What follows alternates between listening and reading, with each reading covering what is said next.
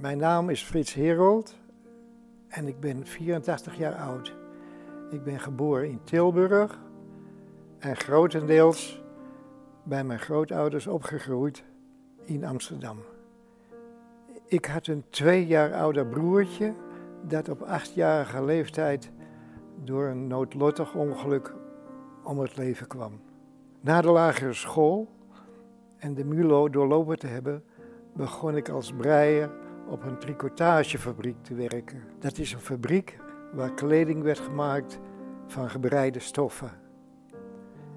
In vrij korte tijd ging ik van de ene fabriek naar de andere fabriek.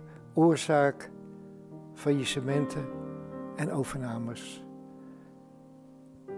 Zo belandde ik uiteindelijk in Apeldoorn op een fabriek waar ze jerseystoffen maakten.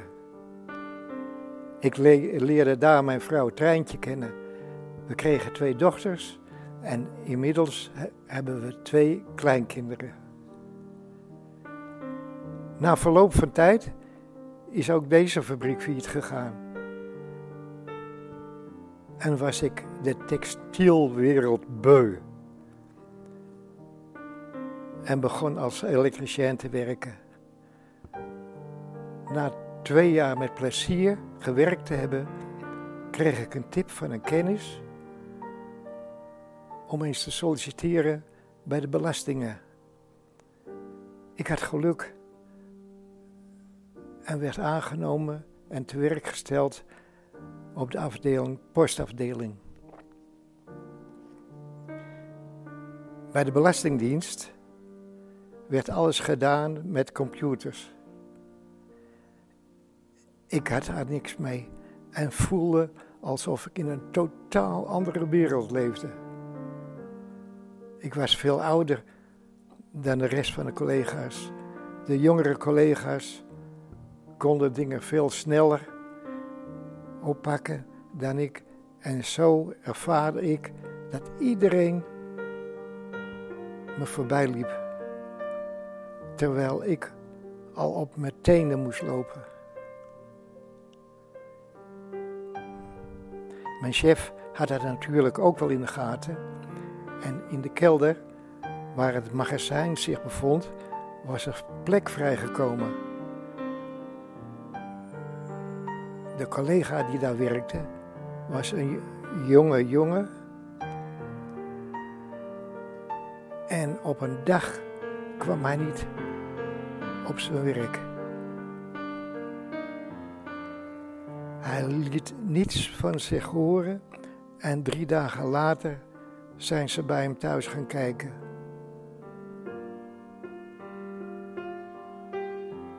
Hij bleek zichzelf van het leven te hebben beroofd.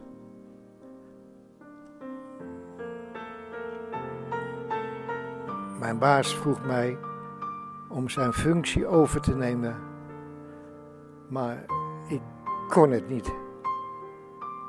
In mijn hoofd ging er van alles door. Ik voelde ineens dat ik mezelf niet was. Ik raakte volledig in paniek. Mijn baas stuurde me naar huis.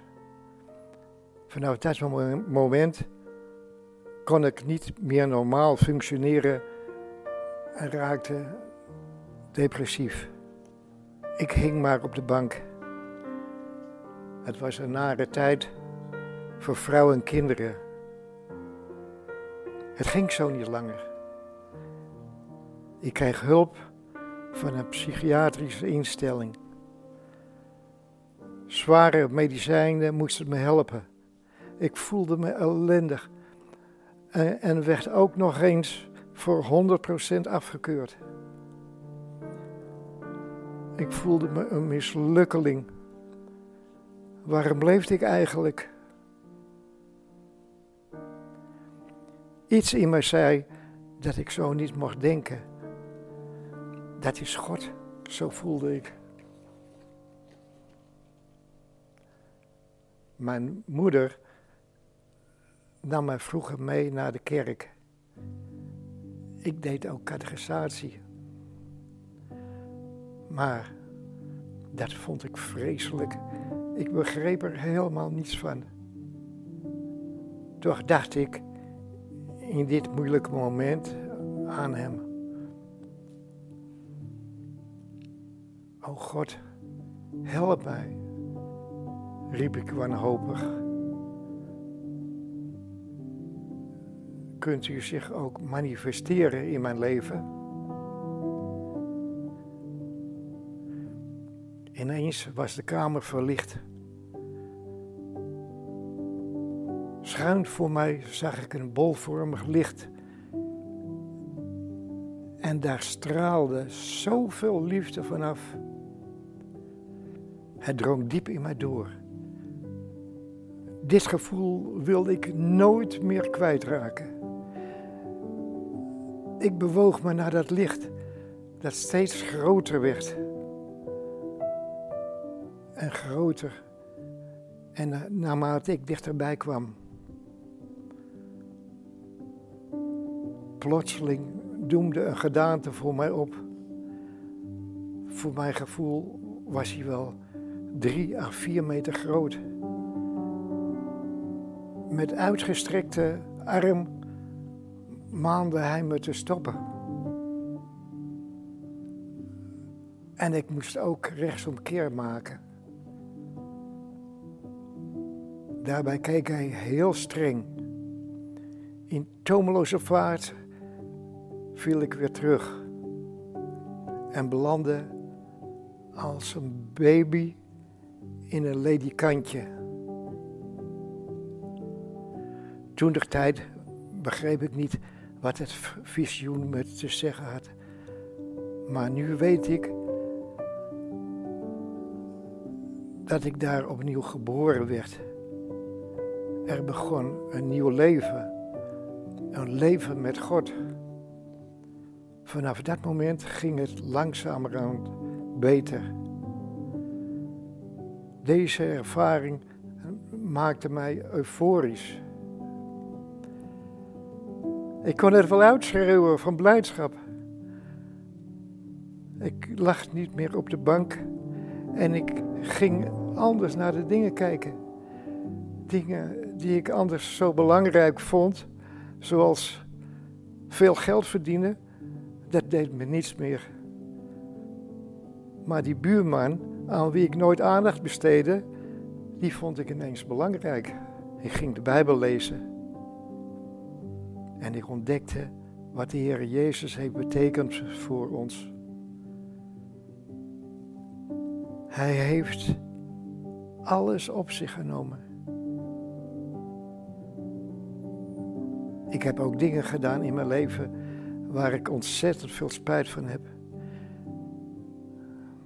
Dingen waarvan ik zou willen dat ik het goed kon maken. Maar nu is het vergeven, dankzij de Heer Jezus.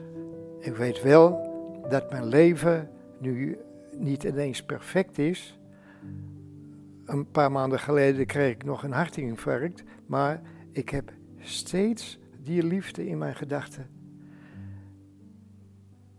Ik wil zo graag naar dat koninkrijk van God binnengaan.